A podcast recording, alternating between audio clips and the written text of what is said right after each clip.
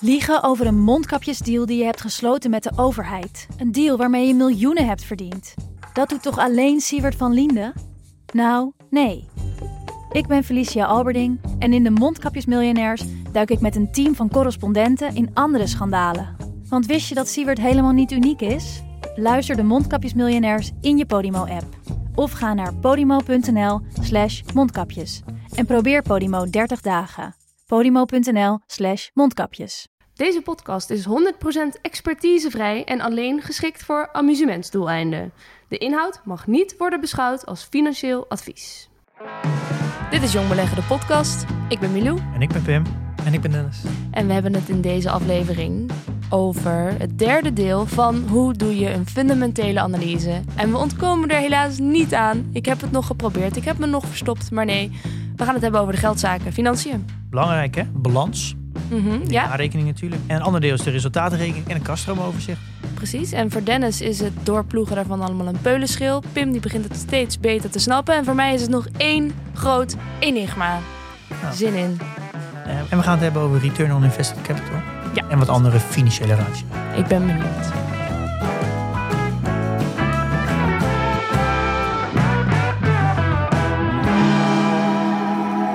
Jongens, op een schaal van 1 tot 10, hoe mm, ja, complicated gaat dit worden?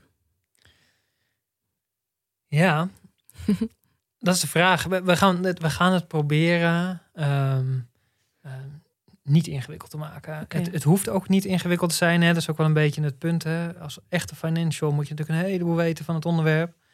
Dat is als je in een bedrijf werkt of als belegger werkt dat wel iets anders. Dus volgens mij eh, gaan we er door Oké, en we gaan wel een aantal ratio's in het rondslingeren natuurlijk. Dat, dat, is wel, dat verwacht ik wel een beetje. Dus ik hoop wel dat jullie dat toch ook een beetje waar gaan maken. We Want het gaan is- het sowieso ja. een beetje over. een- we gaan het over een balans hebben, natuurlijk een jaarrekening.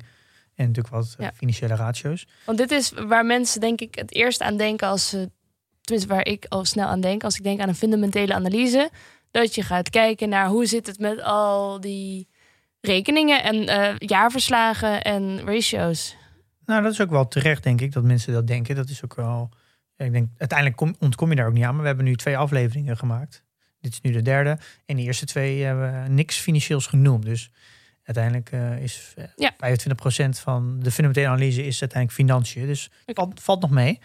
Oké. Ehm, en Dennis, hoe, hoe gaan we dat doen? Hoe, gaan we, hoe ga je ons meenemen door, door de financiën van een bedrijf? Gaan we dan beginnen met de, balans? Of waar, waar gaan we beginnen?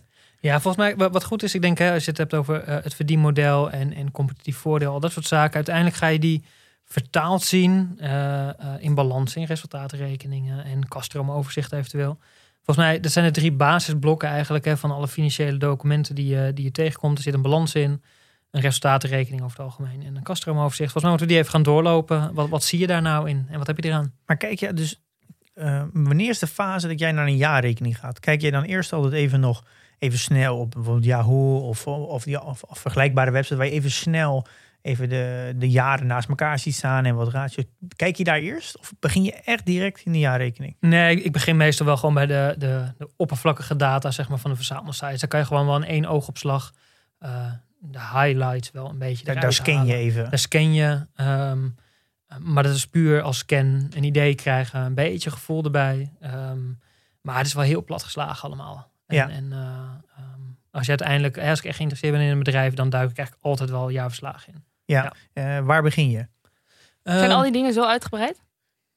De jaarverslagen? Eh, ja, dat zijn, dat zijn soms wel honderden pagina's. Het ligt er een beetje aan. Maar ze kunnen daar heel, eh, eh, heel erg in uitweiden. Ik bedoel, het ene bedrijf doet het wat uitgebreider dan het ander. Maar kijk, en ik, ik, ga, ik, ik, ik lees het nooit van begin tot eind. Het is niet dat ik op een willekeurige zondagmiddag eens eventjes dat erbij pak en, en, en alle pagina's ga doorlezen. Je, gaat, je gaat gericht eh, zoeken. Het ligt er ook een beetje aan ehm, naar welke antwoorden je op zoek bent. Hè? Als je, ehm, een deel zit natuurlijk, maar dat hebben we ook al wel gezegd hebben. Als je naar het verdienmodel op zoek bent of een management, dan bekijk je andere zaken. Voor de financiën, ja, daar scroll ik gewoon door naar de, fi- de financiële paragraaf. Ehm, ja, dan bekijk ik eigenlijk standaard drie dingen. En dat is de balans, eh resultatenrekening en kastroomoverzicht. Ja, Oké, dat, dat zijn bij elk bedrijf ga je naar die drie dingen kijken. ja, en die zijn redelijk gestandardiseerd, zijn heel vergelijkbaar om, om te lezen. Ehm, Want er zijn standaarden hoe een bedrijf Ja. eh, het moet publiceren. zijn boekhoudregels. En kijk, Ja. er zit altijd wel iets van interpretatieverschillen in. Hè, en er zitten de benamingen zijn soms iets anders. Maar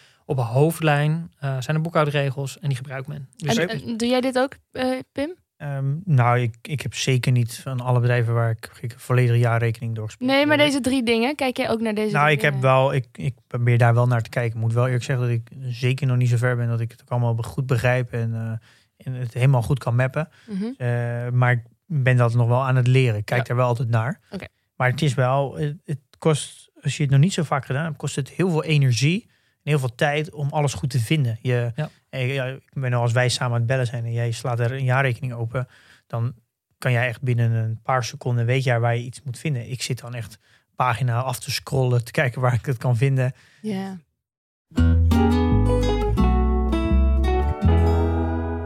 Oké, Dennis, maak ons wijs. ja.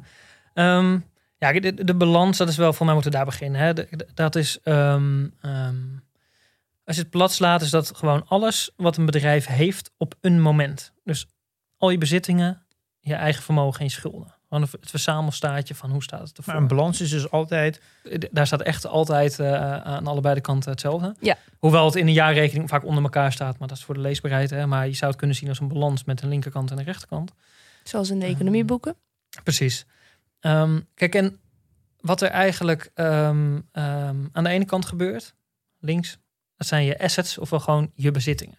Daar zit niks meer aan dan alles wat je hebt. Je gebouwen, je productiehallen, voorraden. Nou, eh, Mhm. alles wat waarde heeft. alles wat waarde heeft, zeg maar. Ehm, eh, dat is één, dat is één kant. Ehm, die zijn ook wel onderverdeeld in je hebt de non-current en de current. Ehm, oftewel, hè, als je non-current, dat is alles wat je niet zomaar eventjes in geld kan omzetten. Ehm, eh, de- je gebouwen, je machines, eventueel overgenomen bedrijven waar je een premie voor hebt betaald. En eh, die, die zet je daar neer, dat is het bezit, een beetje het vaste bezit. Ja. Ehm, en dan heb je nog daaronder staan vaak je current assets, eh, ofwel je, je voorraden, je debiteuren, je cash. Ehm, Alles wat snel naar cash, alles wat snel te liquideren is, moet je zo ja, zeggen? dat eigenlijk alles wat, wat, wat vloeibaarder is. ja, oké. Ja, ja. Ehm, dat is wat er staat. Kijk, en hiervoor geldt, en dat geldt straks ook. Je kijkt naar de hoofdbrok op, een balans aan hele grote bedragen en hele kleintjes. De kleintjes doorgaans, eh, dat kan je wel een beetje skippen. Je hoeft niet eh, alle regels hoef je te snappen of te kennen. Ehm, nou, dat, maar dat, dat is één kant, eh, één kant eh, van de balans. En dat is ook, hè, als je dan kijkt naar kapitaalallocatie, in de vorige aflevering ook over gehad. Ehm, ja, daarin zie je gewoon waar moet het bedrijf nou zijn geld in stoppen? Wat moet het kopen? Wat moet het aanschaffen? Waarin moet het investeren om het draaiende te houden? Het is eigenlijk dat onderdeel eh, van de machine, eh, zoals je naar een bedrijf kan kijken. Dat zijn gewoon de, de assets, dat wat je Ja. nodig hebt. Ehm, Is dat ook waar alle kosten in gaan zitten? Ehm, nee, want op de balans staat alleen wat je, wat je feitelijk hebt. Hè. Op het moment dat je eh, gewoon iets gekocht hebt en weer verkocht hebt, dan staat het natuurlijk niet meer op de balans. Dus Je kan namelijk op, toch op een balans zien of een bedrijf heel kapitaalintensief is. Want als het Ja. kapitaalintensief is, dan staat er de non-current asset is dus heel hoog. het is vaak heel hoog. Ja. machines of eh, eh, locaties, panden. Ah ja, dan is het kapitaalintensief. Dan Ja. heeft veel geld gekost. Maar dan heb je veel assets, dus dan veel Ja. geïnvesteerd. Ja. En je ziet ook of heb je Ja. veel bezit. Ja. veel bezit. En je ziet of ze op overnamepad zijn geweest. Hè? De, de regel intangible, intangible assets of goodwill, daar heb je van die termen voor. Dat, ehm, ja, veel, veel overnames, dan krijg je daar hoge waardes. Ja, want bij een overname betaal je altijd, altijd een gedeeltje, mee, ja, bijna altijd wel een gedeelte goodwill. En Ja. Dat is dus eigenlijk eh, een beetje wat de gek ervoor geeft natuurlijk. Dus Ja. het bedrijf heeft een waarde, daarvoor staat in de boeken. En dan alle, en, eh, alles wat eh, goodwill is, dan staat er los bij. Dat is wat je eigenlijk extra betaald hebt om het te krijgen. Ja, Ja. en die zet je op de balans omdat het wel een bezit is. Als het Ja. Het is, je hebt dat bedrijf en je hebt ook de, eh nou, de goodwill die eromheen hangt. Ja, Die- daarom die hoor je wel eens dat ze dat afschrijven dan. Dat Ja. ze de, want dat, dat, die goodwill verdwijnt dan op een gegeven moment weer en dan schrijven ze dat af. Ja, dat kan. Oké. Ehm, En hoe kijk jij daar dan naar? Eh, misschien wel zeggen, wat staat er tegenover? ja, wat, staat- laten we die eerst doen. Wat, wat Ja. staat er tegenover? Dat, dat, zijn, want dat is de andere kant. Dat is, dat is dus eh, eh, waardoor het in balans gaat komen. Ja. Ehm, en daar staan je liabilities en je equity, ofwel eh, je eigen vermogen en de schulden die je hebt. Gaat er eigenlijk om hoe heb je nou al je bezittingen gefinancierd? Hoe heb je Ja. het betaald? Daarom is het in balans. Precies. Daarom is het altijd onderaan de streep gelijk. En je kan het alleen eh, betalen door of vreemd vermogen, leningen aan te gaan, ofwel ehm, ehm, door eigen vermogen, Ja. van het geld van de aandeelhouders. En dus heel veel- recht staan, vreemd en eigen vermogen. En eigen vermogen, dat is dus als je winst hebt En daar financier je bijvoorbeeld een gebouw mee. Dan heb je het gefinancierd met eigen vermogen. Ja. Eh, en dus je wil een gezond bedrijf heeft, een, heeft veel eigen vermogen en weinig schulden. Ja, is algemeenheid. eh, Ja. ja. dat klopt. Eh, en dat is een beetje dat is een, hoe je thuis hebt eh, als je een koopwoning hebt. Hè, dan heb je eh, aan de linkerkant bij je asset staat voor vijf ton een huis bijvoorbeeld. Stel dat je hypotheek drie ton is, dan heb je dus aan je liabilities heb je drie ton. En als je schuld Ja. en eh twee ton blijft dan over, dat is dan je eigen vermogen. En dit verschilt natuurlijk per bedrijf heel erg. En ook per bedrijf lijkt me hoe jij kijkt daarnaar. Ja, kijk, en je die, die kant van die liabilities en je equity, dat zegt ook iets over. Kijk, de, de, die assets, dat zegt iets over waar moet je nou je geld in stoppen, Ja. zodat het bedrijf geld gaat verdienen.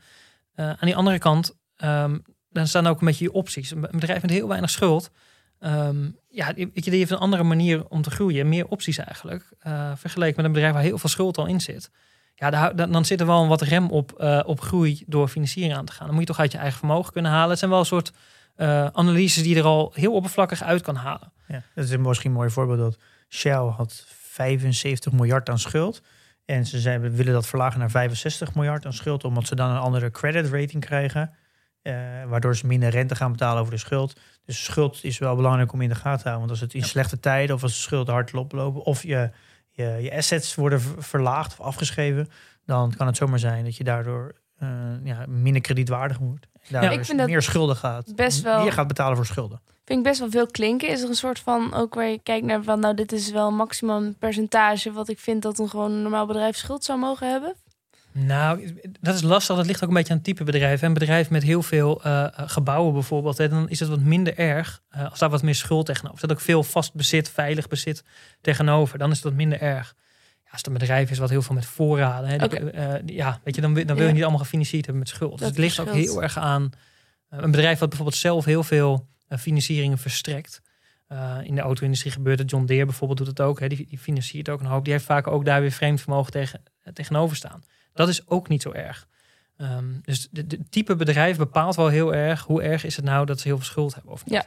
Dat is volgens mij ook een van, even een zijstap, een van de grote dingen waar nu ook steeds meer, er is steeds minder kapitaal nodig, omdat alle technologiebedrijven eigenlijk een, heel weinig assets nodig hebben. De, het Oh ja. zit hem vooral, kijk, een technologie aan zich is natuurlijk geen asset. Het zit natuurlijk eigenlijk in het personeel dat moet het maken, maar personeel kan je niet zien als asset. Dus het is niet echt een kapitaalintensief industrie. Dus er is eigenlijk steeds minder kapitaal nodig, omdat steeds meer het gaat om innovatie.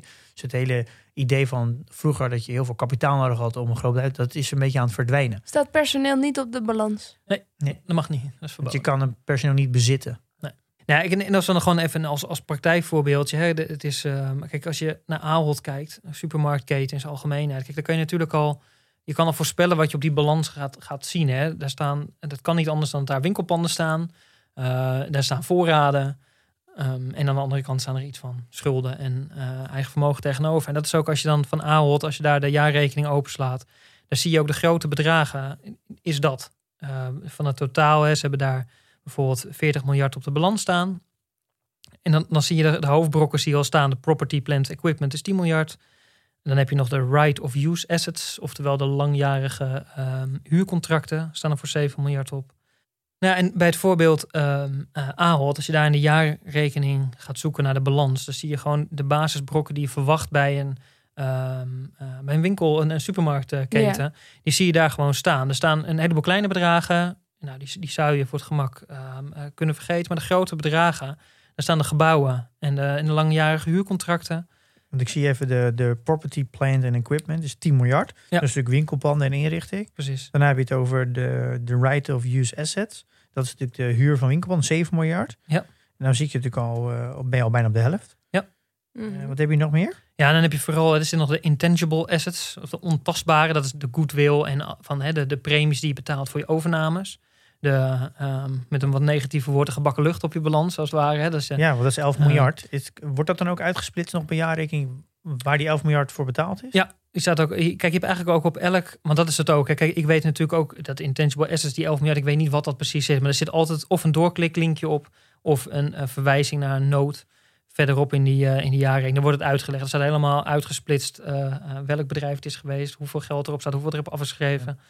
Want, Ehm. als dit, want uiteindelijk betaal je altijd goodwill als je een bedrijf koopt. Eh, Mhm. eh, dan wordt dat uiteindelijk altijd een keer afgeschreven of laten ze dat altijd lekker, lekker, laten ze dat lekker staan? Nee, meestal, meestal is dat eh, ja, de amortisatie noemen ze dat. Dus dat is het aanpassen van de waarde op je balans eh, aan hoeveel het in de toekomst op gaat leveren. Als je een overname doet en later blijkt dat het veel minder gaat opleveren, ja, dan moet je daar wat van die waarde eraf gaan halen. Die moet je gaan afboeken, omdat het niet meer reëel is. Ehm, eh, eh, klopt, ja. Dat, Ah, eh, dat is een beetje wat de boekhoudregels voorschrijven. En dan hebben ze nog eh, 8 mi- 8 miljard aan eh, voorraden eigenlijk. Ja, In cash, cash. voorraden, receivables, hè, dat wat ze nog te ontvangen hebben. En dat zijn de hoofdbrokken. En de rest zijn echt kleine bedragen. Dan kom je eigenlijk op even 40 miljard. Dat staat trouwens ook in de show notes, eh, screenshots, kan je het verder eh, lezen. Maar totaal 40 miljard aan, aan assets eigenlijk. Ja. Ja. En dan zie je dus ook gelijk waar, waar, eh, waar moet zo'n geld aan uitgeven. hè? Het, het, het staat hier gewoon. Het is voor een supermarktketen nog re- relatief eenvoudig. Dat kunnen we ook allemaal wel bedenken. Maar dat is ook wat hier staat. Ja. En voor de, nou, bij de equity liabilities is hetzelfde. hè. Daar, daar zie je gewoon staan hoeveel eh, eigen vermogen erin zit. Hoeveel leningen ze hebben aangetrokken. Maar ook hoeveel eh, accounts payables ze nog hebben. Hè. Dus dat voor een, wat ze nog eh, eh, moeten betalen aan hun leveranciers.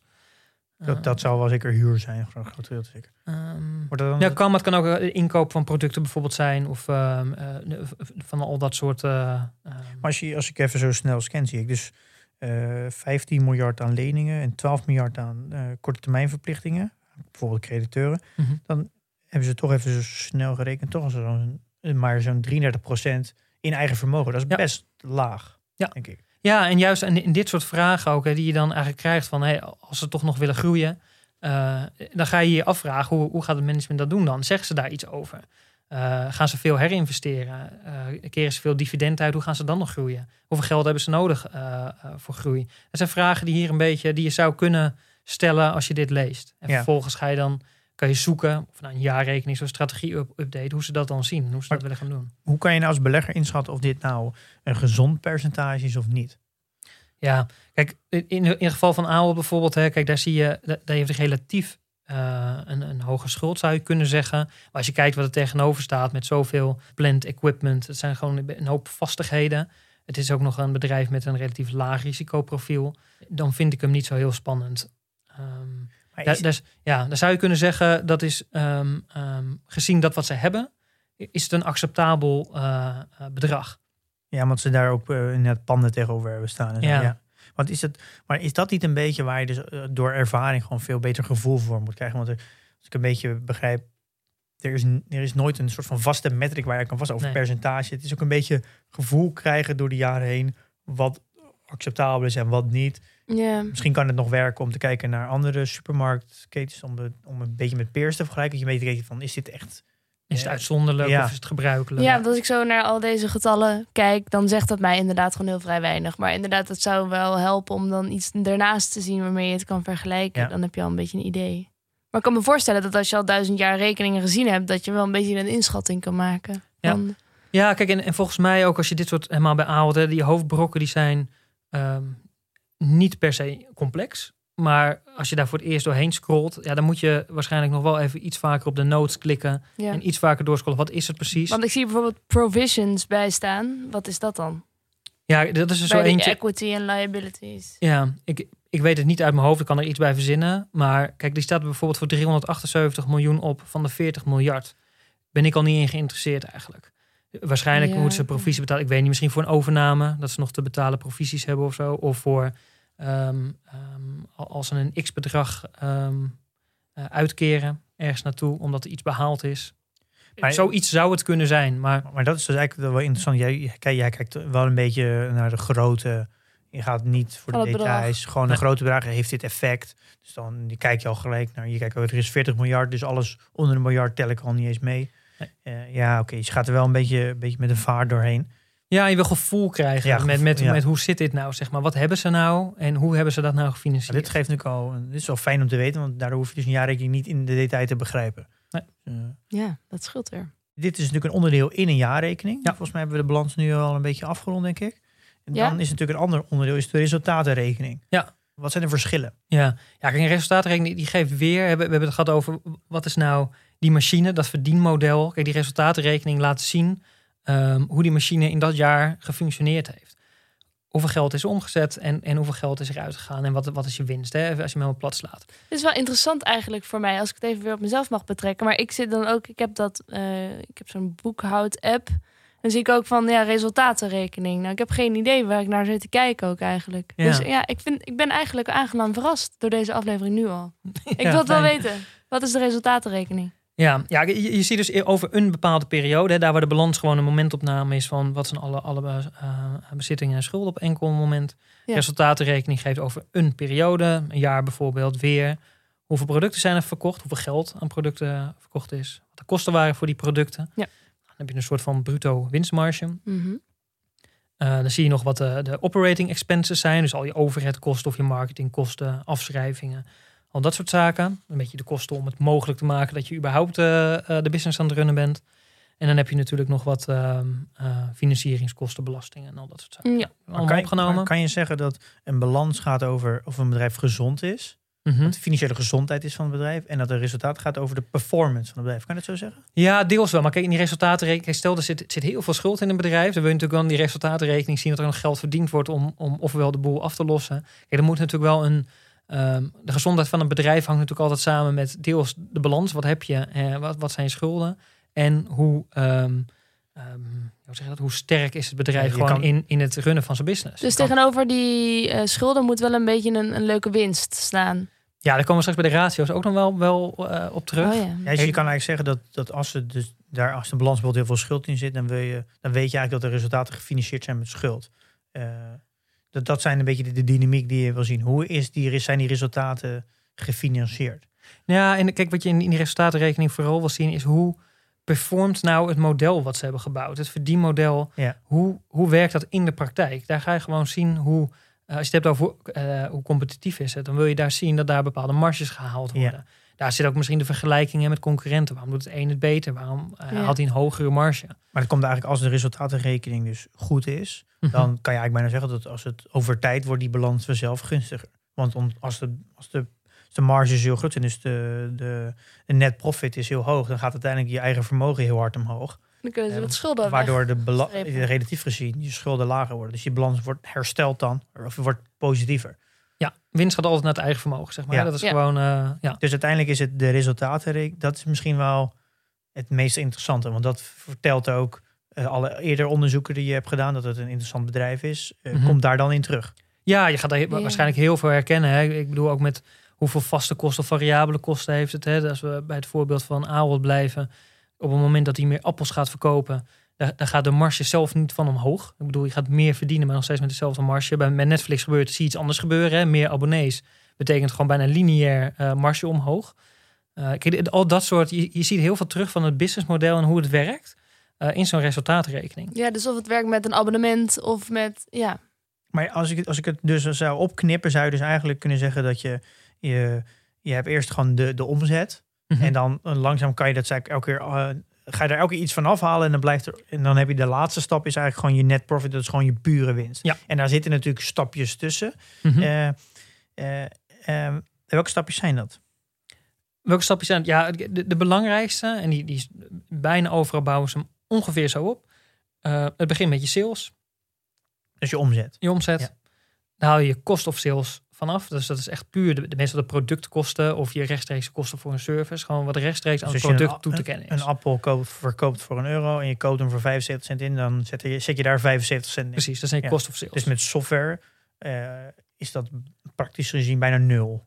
ja, is, de- daar is de, die, die marge is heel hoog. Omdat het namelijk reproduceert. Tenzij je iets moet inkopen in die software, maar dat is altijd Ja. relatief laag.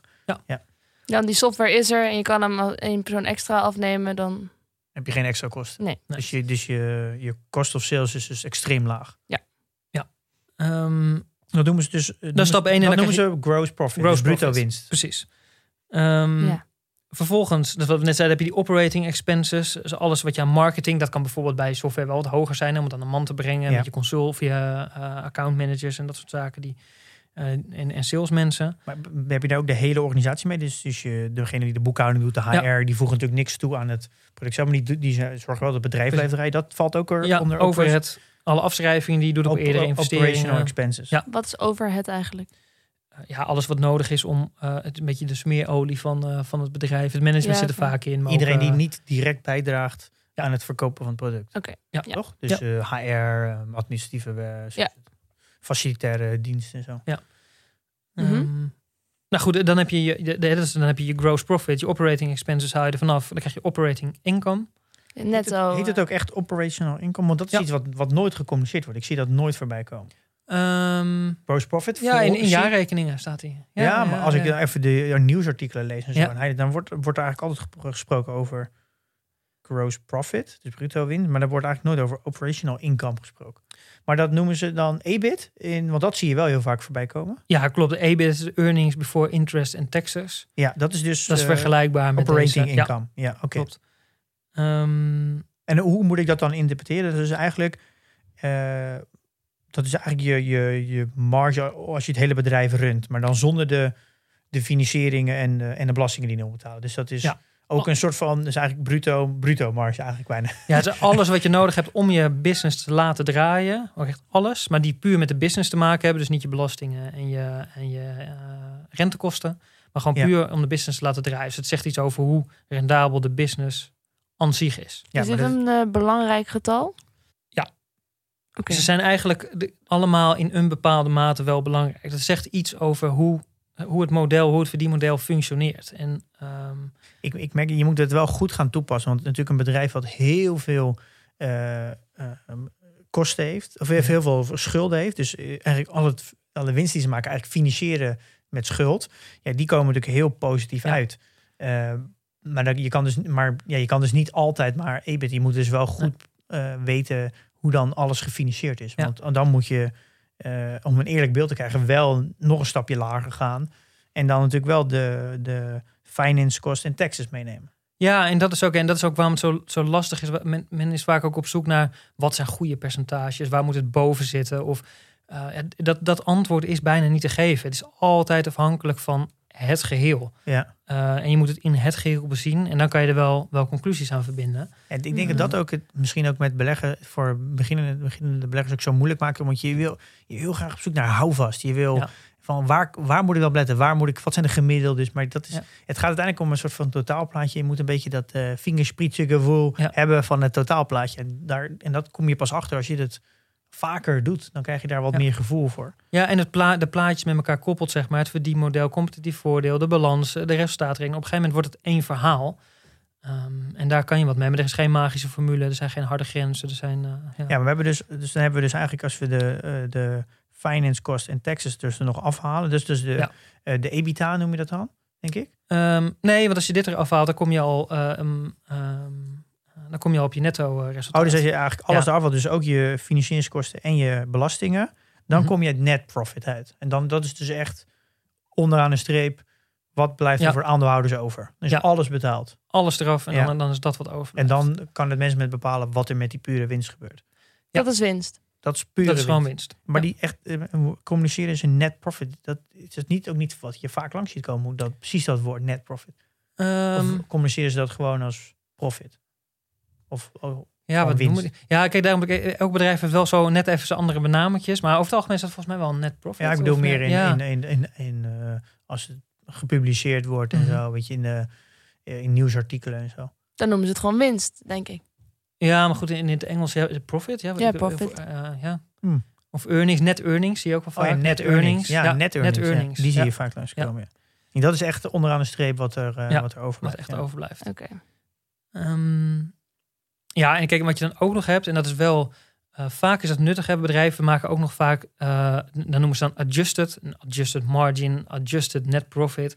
Dan maken ze eigenlijk boekhoudregels zijn boekhoudregels. Hè? Dus daar, daar moet je binnen de kaders blijven. En sommige bedrijven zeggen ja, die, die passen ons niet helemaal. Niet omdat het niet goed uitkomt, maar omdat ze zeggen ja, als je onze business goed wil begrijpen, dan willen we eigenlijk net even iets andere uitgangspunten in, eh, in de boekhoudregels. Ja. En dan doen ze eigenlijk ehm, buiten de officiële staatjes om, doen ze nog een paar adjusted eh, margins of profits.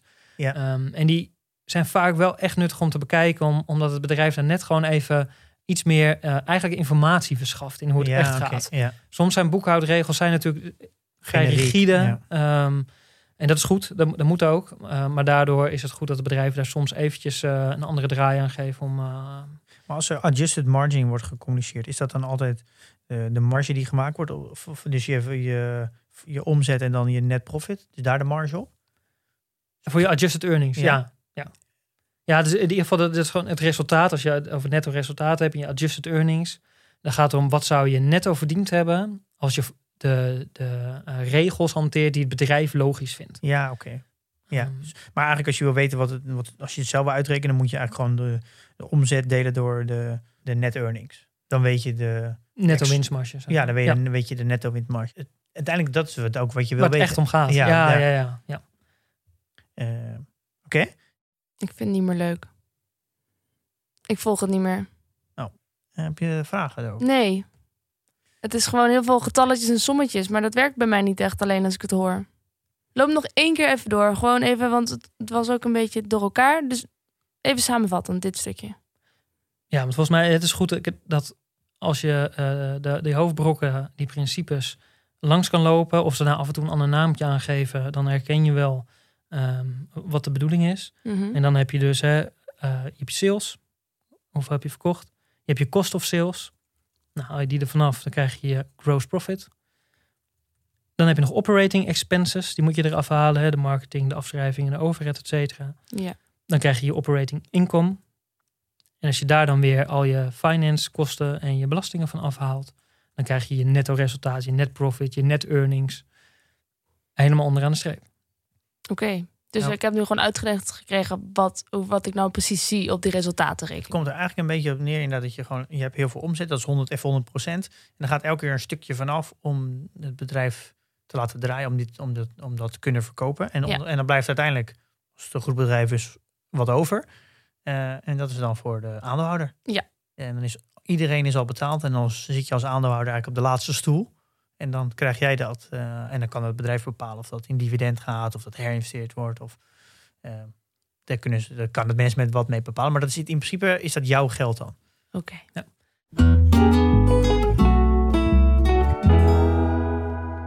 Het kaststromoverzicht. Ja, dit is het derde dingetje wat we wilden Dat bespreken. is eigenlijk blok, een, ook een, een groot blok in de jaarrekening. Ja, en wat daar, kijk, winst is natuurlijk, eh, dat zeggen ze ook een beetje, cash is king en profit is an opinion. In, in winstgetallen zit, zit best een hoop eh, boekhoudkundige zaken, bijvoorbeeld afschrijvingen.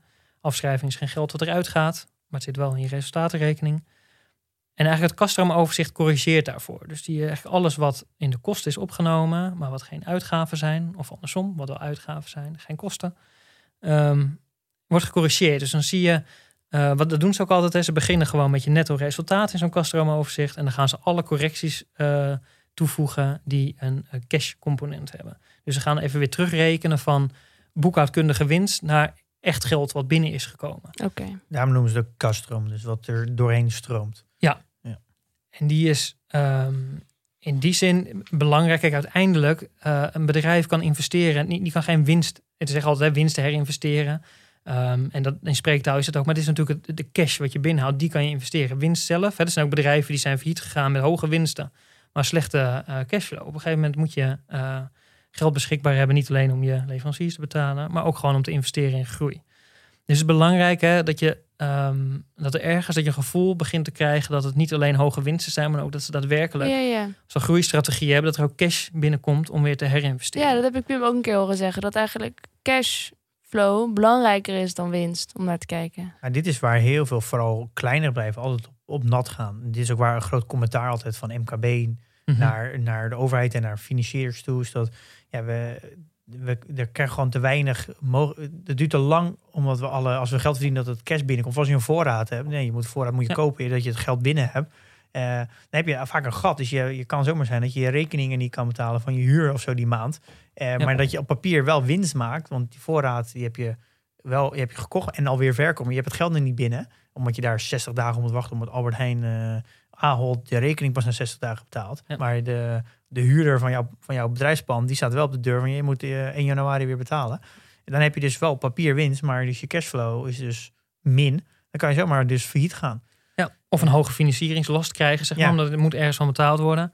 En je ziet bijvoorbeeld, kijk, Amazon is denk ik wel het mooiste voorbeeld waarbij winst en, en eh, cashflow heel erg uit elkaar loopt. Ehm, je, je ziet, Amazon die gaat pas de eh, leveranciers betalen op het moment dat het product verkocht is. Dus die verkopen eerst iets en daarna, pas later daarna, gaan ze betalen. Dus daar, Ja. en helemaal als je groeit, krijg je natuurlijk een veel hogere cashflow dan dat je winst hebt eigenlijk. Hè? En als je ook naar de, de waardering kijkt van Amazon, dan, dan als je kijkt naar de winst lijkt het veel. Als je naar de kaststroom kijkt, ziet het er al iets aantrekkelijker uit. Ehm, en als je dat natuurlijk als bedrijf heel slim doet, dat je eigenlijk altijd eerst je geld ontvangt en later uitgeeft, ja, dan, dan heb je naar een, eh, eh, een hele mooie motor gecreëerd om, om groei te financieren.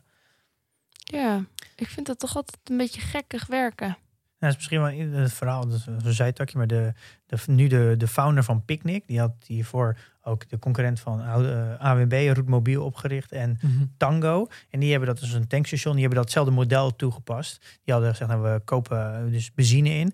Daar hadden ze een uh, betalingsregeling van, een van 90 dagen of zo, 60 dagen. En ze gingen dus aan de pomp, gingen ze dus alle, uh, maar één betalingsvorm accepteren. En dat was een betalingsvorm waar ze het geld direct kregen. Dus ze gingen mm -hmm. voor mijn creditcards veren en zo. Dus ze gingen maar één betalingsvorm accepteren, waardoor ze het geld van de klant direct kregen. En maar pas de rekening van de, van de, de inkoop van de benzine uh, pas naar, 30, naar 60 of 90 dagen moesten betalen. Waardoor ze altijd een positieve cashflow hadden. Waardoor ze met die cashflow dus een nieuwe tankstation konden bouwen. Ja. En door een nieuw tankstation deden ze het weer. En hij zegt, er is één, was één, kon één kink in de kabel komen. Als het tankstation dus niet per direct 100% operationeel was en gelijk volledig was. Dus hij zegt, we huurden dus de lokale fanfare in. We gingen een dag gratis tanken weggeven, waardoor het tankstation in, vanaf moment één gelijk vol zat. Waardoor we het trucje konden herhalen en dan gingen we naar de volgende tankstation.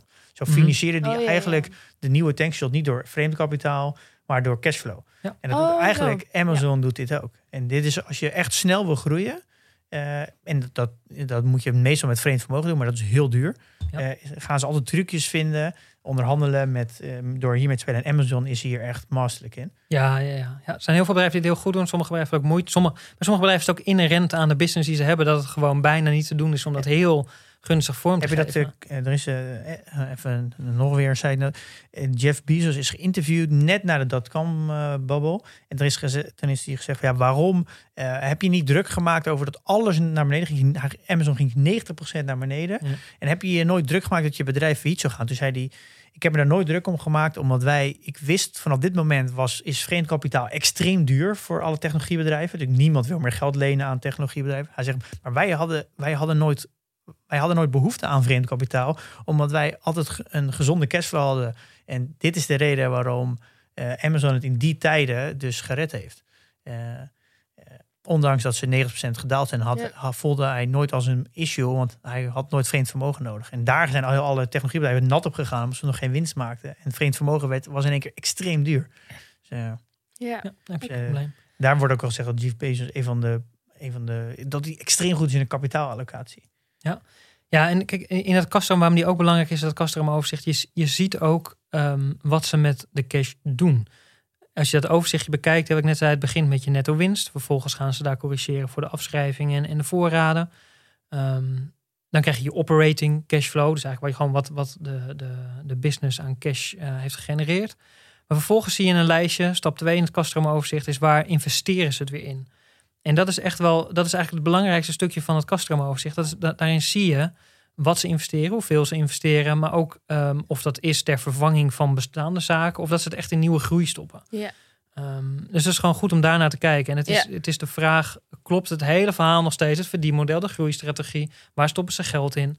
Maar daar zou je dus uiteindelijk kunnen zien, als dus het management zegt, wij willen over, eh, we hebben bijvoorbeeld een plan over tien jaar en we gaan dus zoveel elk jaar investeren, dan zou je dus in het customoverzicht kunnen zien dat ze dat daadwerkelijk in investeren en niet investeren in bijvoorbeeld elk een nieuwe apparatuur dat je nodig zou moeten hebben om bijvoorbeeld de boerderij in te houden. Dat zou daar dus in terug moeten komen. Ja. Ja, precies. Precies. Een beetje het voorbeeld ook van de auto-industrie, zeg maar. Die moeten fors investeren om, om eh, elektrisch te rijden. Dat is niet per se groei, maar dat is een beetje om bestaansrecht te houden.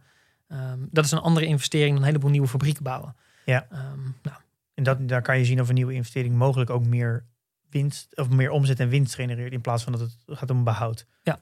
ja. Eh, en, en dus helemaal onderaan de streep bij je customer blijft dan uiteindelijk je, je, je eh, noem je dat, Eh, je free cashflow. ja, dan, dan heb je, als je, je je operating cashflow en de investering die je hebt gedaan, als je daar een, een lijn onder zet, dan heb je je free cashflow. En dan heb je nog als derde, en dat is een beetje om, hem helemaal af te ronden, is eigenlijk al je hele cashflow uit financieringsactiviteit. Als je natuurlijk net een lening aantrekt, heb je heel veel cashflow in. Maar ja, dat is, Dat is een beetje de, ehm de sluitpost. Dividenden worden er bijvoorbeeld uitbetaald. Hè. Op het moment dat je dividenden uitbetaalt, dan zit dat ook onder eh, kopje 3. Dat is de laatste stap. En dan heb je helemaal onderaan de streep wat je, wat je netto cashflow is, als het ware. Maar die is iets minder relevant. die maar dat is- minder relevant, want Ja. dividend is ook een vorm van, Precies. van eh, aan, ja, voor een aandeelhouder iets winst eigenlijk. Ja, die zegt iets minder wat dat Ja, betreft. en maar is het ook als jij bijvoorbeeld een, een waardering zou gaan doen, eh, dan, en dan hoorde ik Warren Buffett zegt het ook vaak, het gaat uiteindelijk om de, de, de free cashflow. Is dat ook waar je dan rekening mee houdt? Ja, absoluut. Dan kijk, daar, je, free cashflow is voor jou echt een hele belangrijke Ja. onderaan de streep. Ja, is, is de leidende. En dan is, kijk, en dat is natuurlijk het lastige. Als je goed snapt waarom ehm, eh, de winsten en de kaststroom, hoe, hoe die, die zich verhouden. Kijk, winsten zijn vaak iets stabieler dan kaststromen. Die kunnen best wel fluctueren. Ehm, maar je wil op zijn minste analyse kunnen maken van in hoeverre zijn ze door de jaren heen in staat om de kaststroom of even goed als de winst te houden of beter dan de winst. En niet dat ze eh, constant achter de feiten aanlopen. Want uiteindelijk wil je ook als aandeelhouder wil je cash binnen hebben. Ofwel om uitgekeerd te krijgen, ofwel om te herinvesteren. Ja, dus je kijkt het uiteindelijk wil je ook, zet je dat ook af tegen meerdere jaren dat de cashflow aan het groeien is? Ja. In, eh, in absolute getallen? Ja, dat is uiteindelijk hoe je tot waardering komt, zeg maar. Ervoor. Ja, ja want maar dus je, kan je dus ook de conclusie trekken dat als de afgelopen vijf jaar de cashflow, free cashflow, elk jaar iets gegroeid is, Mhm. dat het herinvesteren van dat geld van de jaren daarvoor dus een positief effect heeft. Kan je dat zo zeggen? Eh, in ieder geval voor het verleden, ja. Ja. Ja, ja, Ja, oké, natuurlijk. Ja. ja. Eh, je, maar je moet het wel in lijn zien dat als de omzet gelijk blijft en de free cashflow gaat omhoog, dan weet je ook dat dat ook weer uiteindelijk een keer eindig is. Want Ja, het kan niet tot het oneindige doorgaan. Kijk, Nee. uiteindelijk zijn cashflow en winst, die komen natuurlijk op, ultra lange termijn, kom- komt dat bij elkaar. ja, dus je wilt die verhouding wel altijd zien. De free de, de netto, de, gewoon de omzet en de, en de, en de winst en de free cashflow, die moeten, die gaan, moeten eigenlijk in lijn een beetje omhoog gaan. Want anders weet Ja. je dat het een keer eindig is. Ja. Je zei het al kort over dat waarderen. Daar gaan we het in de volgende aflevering verder over hebben. Ja. Dus daar zal ik nu nog geen vragen over stellen. Vinden jullie dit ehm, Zullen we nog een aantal... Leuk. eh, om jezelf met, zo, met die cijfers bezig te houden? Doe je, beleg is hard werken op deze manier. ik moet zeggen, ik vind het best pittig. Eh, eh, omdat ik, het, voor mij gaat het nog niet heel natuurlijk. Het kost me heel veel energie. Ja. En mm, ja, alles wat energie kost, is gewoon wat minder leuk. Het is ook een kwestie van ervaring, denk ik. Het is iets Ja? wat je voor het eerst doet, kost altijd energie. Is dat zo? Is een, eh, een, een eh, fundamentele analyse qua financiën, is dat een walk in the park voor jou inmiddels? Nou, ik denk, ik denk wel met waar moet ik kijken, waar vind ik dingen, ehm, waar moet ik even op doorklikken. Eh, Ja. dat gaat redelijk rap. Maar kijk, ook voor mij is het, het is niet zo dat elke jaarrekening of elke resultaatrekening die ik zie, dat ik gelijk denk, oh, dat zit precies zo. Ik moet vaak ook wel eventjes doorklikken naar wat zit er nou precies in. Ja. En snap ik dit nu goed? Het is niet, niet allemaal maar in, eh, in twee tellen geregeld. Het is ook, eh, vind ik het leuk? Nee, het is niet, het is, niet het leukste. Het beleggen, hè. alle andere dingen van beleggen zijn leuker. Ja. Ehm, maar kijk, wat, het, het is wel, het is een heel belangrijk onderdeel. En ik, wat ik wel interessant vind, is als je op een gegeven moment gewoon een goede analyse hebt, je hebt goede kennis van een bedrijf, dan ga je heel veel dingen herkennen en terugzien. En als je dit vaak genoeg Ja. doet en er echt even tijd in stopt, ja, dan, dan, je leercurve gaat heel hard omhoog. Dat is echt. Ja. eh, Om dingen in perspectief te zetten. Als je, nou, eh, we hebben nu drie onderdelen gehad. Een Mhm. vierde komt nog. Maar hoe, hoeveel procent van, je, van een complete analyse ben je bezig met dit stuk? ehm, ik denk, ehm nou, 20 procent. Dat is dus relatief, Ja. valt mee. Ja. En, hoe, Ja. en als je het even zo'n bal pakt, hoe- hoeveel uur ben je totaal bezig met zo'n hele analyse van een bedrijf? Poeh. Een hele fundamentele analyse? Ja, dat vind ik een hele lastige. Dat is, ja, dat, dat, dat ligt eraan. Kijk, soms is het, eh, zou je kunnen zeggen, in ieder geval doorlooptijd jaren, omdat je eh, het in de gaten houdt, af en toe wat leest. Hè. Dat Ja. gaat door de jaren heen. Je af en toe is een paar dag. minuten. Ja. Eh, als ik echt denk, hey, dit is interessant en dit heeft potentie. ehm, ja, dat kan soms ehm, een paar avonden zijn. Dus Ja, dat valt precies. relatief Ja. mee. Want jij hebt laatst uh, aan de hand van de podcast over uh, beleggen in een voetbalclub, heb jij een analyse over Ajax gemaakt en gedeeld Ja. in de community. Mhm. Uh, hoe lang heb je daarover gedaan? Nou, kijk, Aj- Ajax als, als je kent het natuurlijk, je weet hoe een voetbalclub werkt. Dat weet iedereen die een beetje voetbal snapt dat wel. Dus, dus dan kom je heel snel kom je daarin en snap je dat. En um, nou, dan heb ik de, de podcastaflevering erover geluisterd. Wij hebben er even over gesproken. Ja, dan is het, ik denk, uh, twee uur door de jaarrekeningen bladeren. En uh, ik denk nog twee uur eventjes de analyses optellen van klopt dit nou? Um, ja, en dan kijk, de, de analyse schrijven, dat kost natuurlijk even tijd. Want dan moet je, je al je gedachten en als moet je gaan structureren en gaan ja, neerschrijven. Ja. Maar um, ja, het, het, is enkele uren, zeg maar. Ja, dat heb je best, vond ik best snel gedaan. Het was best wel kort na de aflevering dat je die... Uh, ja. ja. Grappig. Dus Hey, en dan zijn er ook nog wat, uh, ja? Nou, ik wil zeggen dat dat geeft wel hoop, toch? Dat, dat geeft dat, dat Door ervaring uh, wordt het steeds sneller. Ja, nee, dat geeft absoluut hoop, ja. Ja, En en, dan hier zijn ook, ook nog- en hoop ook, eh, let op de, de, de hoofdbrokken, de grote lijnen. Ga niet alle details uitpluizen. Dat is echt niet nodig. Nee, en, en, en eh, wat je dus ook nog hebt, en daar hebben we het al vaak over gehad in de podcast, zijn van die handige toeltjes waarmee je in één oogopslag dingen een beetje met elkaar kan vergelijken. En dat zijn de ratios, De de ratios. Zullen we het daar eens over hebben? Nou, pik er eens, een- pik er eens een paar uit. Nou, pik er vooral diegene uit die jij gebruikt. Ja, die ik gebruik. Ja, eh, eigenlijk, en dat is in zijn algemeenheid hè, met die ratio's. Er zijn er echt honderden. Je kan ze zo gek niet bedenken of ze zijn er. Ehm, Ja. ik, ik gebruik ze bijna, bijna geen één. Er zijn echt maar heel weinig die ik gebruik. Oh, dus de meeste zeg je Eh, gewoon, kun je afschrijven, zijn nutteloos. En sommige zijn volstrekt waardeloos. Sommige zijn een, een moeilijk bruikbaar. Ehm, Waarom gebruiken mensen ze dan? Als ze totaal nut- nutteloos zijn? Nou, kijk, het is natuurlijk wel als je ehm, in de eh, aandelen of in de beleggingswereld je zaken verkoopt, je diensten verkoopt, je analyses verkoopt, dan is het natuurlijk wel eh, fijn als je met hele ingewikkelde ratio's en vergelijkingen en als je het allemaal mee op de proppen komt, dan lijkt het heel wat. Ehm, Ja. En als je maar eh, kijkt naar eh, hoe CFO's zeg maar bij bedrijven, maar ook CEO's CEO's erover praten, dat die, die gebruiken een paar metrics. Dat zijn er ook niet, er zijn er ook niet 30. Wat ik wel eens zie is ehm EBITDA delen door, je, door de enterprise value bijvoorbeeld. Dat is een soort van een bepaalde boekhoudkundige eh winstmarge, hè, je earnings before interest, ehm, ehm, eh, interest taxes ehm, en je afschrijvingen. En die ga je dan delen door de enterprise value. Dat is dan de hele waarde van het bedrijf alsof je het van de beurs zou halen. Dus de hele schuld, toch? beurswaarde. En de schuld volledig gaat aflossen. Als je dat zou doen, wat nooit gebeurt, maar als je dat zou doen, wat, wat dan eh, die winstmarge is. Ja, dan denk ik, ik, het bedrijf dat wordt niet van de beurs gehaald, dat is één. Eh, het is ook de vraag of dat dan wel een reële waarde is. Misschien is het wat te hoog of te laag. De schulden gaan we ook niet allemaal aflossen als je een bedrijf overneemt. Nee, dat doet niemand. Die stopt Eh, er nee. schulden in. En dan is het ook de corrigeer je nog voor de cash. Dat ga je in werkelijkheid ook niet doen. Het is een, ja, en dan heb je ook nog eens een keertje een winstmetric... wat nog omgeven is met wat boekhoudkundige zaken. Ja, dat, dat, dat zegt niet zoveel. Eh, is al helemaal niet heel goed vergelijkbaar. En wat, wat vind je dan bijvoorbeeld van koers-winstverhouding, de meest bekende? Ehm, nou, die, die, is, kijk, die, die is voor het eerste... ehm, ehm, voor het, e- maar dan zit je al bijna, ga je iets meer richting waarderen... dan dat het echt een financiële ratio is. Hè? Want je, je koppelt al aan koers. Ehm, die is bruikbaar voor je eerste inzicht. Dat maakt het ook gewoon wat handzamer. Hè? Van wat, hoeveel winst maakt het nou? Wat, wat betaal je nou? Wat is nou die koers? En hoe, hoe verhoudt zich dat op elkaar? Dan zou je kunnen zeggen, als het laag is, dan is het goedkoop. En, eh, Ja. Maar maar dat is natuurlijk wel ja, natuurlijk een koers-winstverhouding is natuurlijk al een waardering. is, zit je al Ja, richting klopt, waarderen? ja, dan zit je dus- nog niet eens in, in eh, eh, Ja. de financiële analyse van het bedrijf. Ja, nee, inderdaad. dat is grappig. Ik heb natuurlijk zelf een bedrijf gehad en daar al die ratio's die je met beleggen, die, die gebruik je nooit in een bedrijf. Nee, natuurlijk niet. Daar Nee. heb je het intern helemaal niet over. Nee, nee, maar ook klopt. in al die boekhoudingen staat het ook helemaal niet. Dat zijn echt metrics die zijn, of ratio's die zijn bedacht in de beleggingswereld. Die in gewoon een normaal, eh, in een gewone bedrijf gebruik je dat helemaal niet. Nee, eh, weinig. En er zijn er een aantal. En, en kijk, en welke, want dat is volgens mij het belangrijkste, welke is nou echt, of welke vind ik in ieder geval heel belangrijk als belegger. Want er is ook nog een verschil tussen welke ratio's je gebruikt in een bedrijf, eh, of wat je moet weten, of waar- je naar wil kijken als belegger. En wat ik verreweg de belangrijkste vind, is Return on Invested Capital. ROIC, meestal de Mhm. afkorting. Dat zegt namelijk hoeveel rendement het bedrijf maakt op de nieuwe investeringen die ze gaan doen. Of hebben gedaan als je naar het verleden kijkt. En dat is natuurlijk dat is zo ontzettend belangrijk. Want alles wat je voorspelt aan toekomstige winsten of cashflows... heeft te maken met hoe rendabel is het geld wat ze investeren. Ja. Je zou dus wel kunnen zeggen met deze metric dat onderaan de streep blijft er winst over.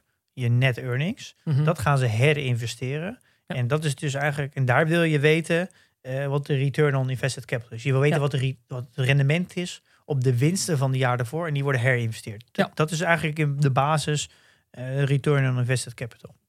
Ja. En als dat percentage, bijvoorbeeld als jij f- eh, 15% wil en ehm, ze pakken daar maar 10% op, dan heb jij liever dat ze het bijvoorbeeld uitkeren of, of Ja, dat zou kunnen. Ja. Dat is ook vaak wat gebeurt als op een gegeven moment dus dusdanig weinig investeringsmogelijkheden zijn. Dan gaat het dividend meestal omhoog.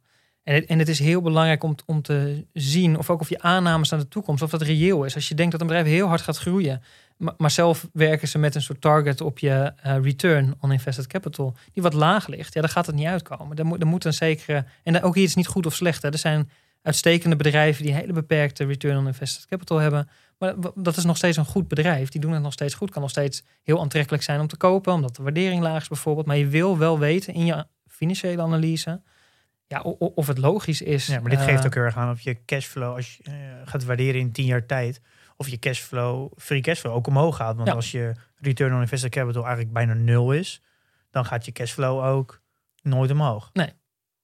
Dan blijf je mee investeren en dan komt er nooit iets extra's los. Ja, hier kijk je dus echt heel veel naar. En is dit ook iets wat bedrijven zelf communiceren? Dat ze zeggen wij willen eh, return on invested capital ver- verhogen of dit is ons doel? Of, Ja, vaak wel.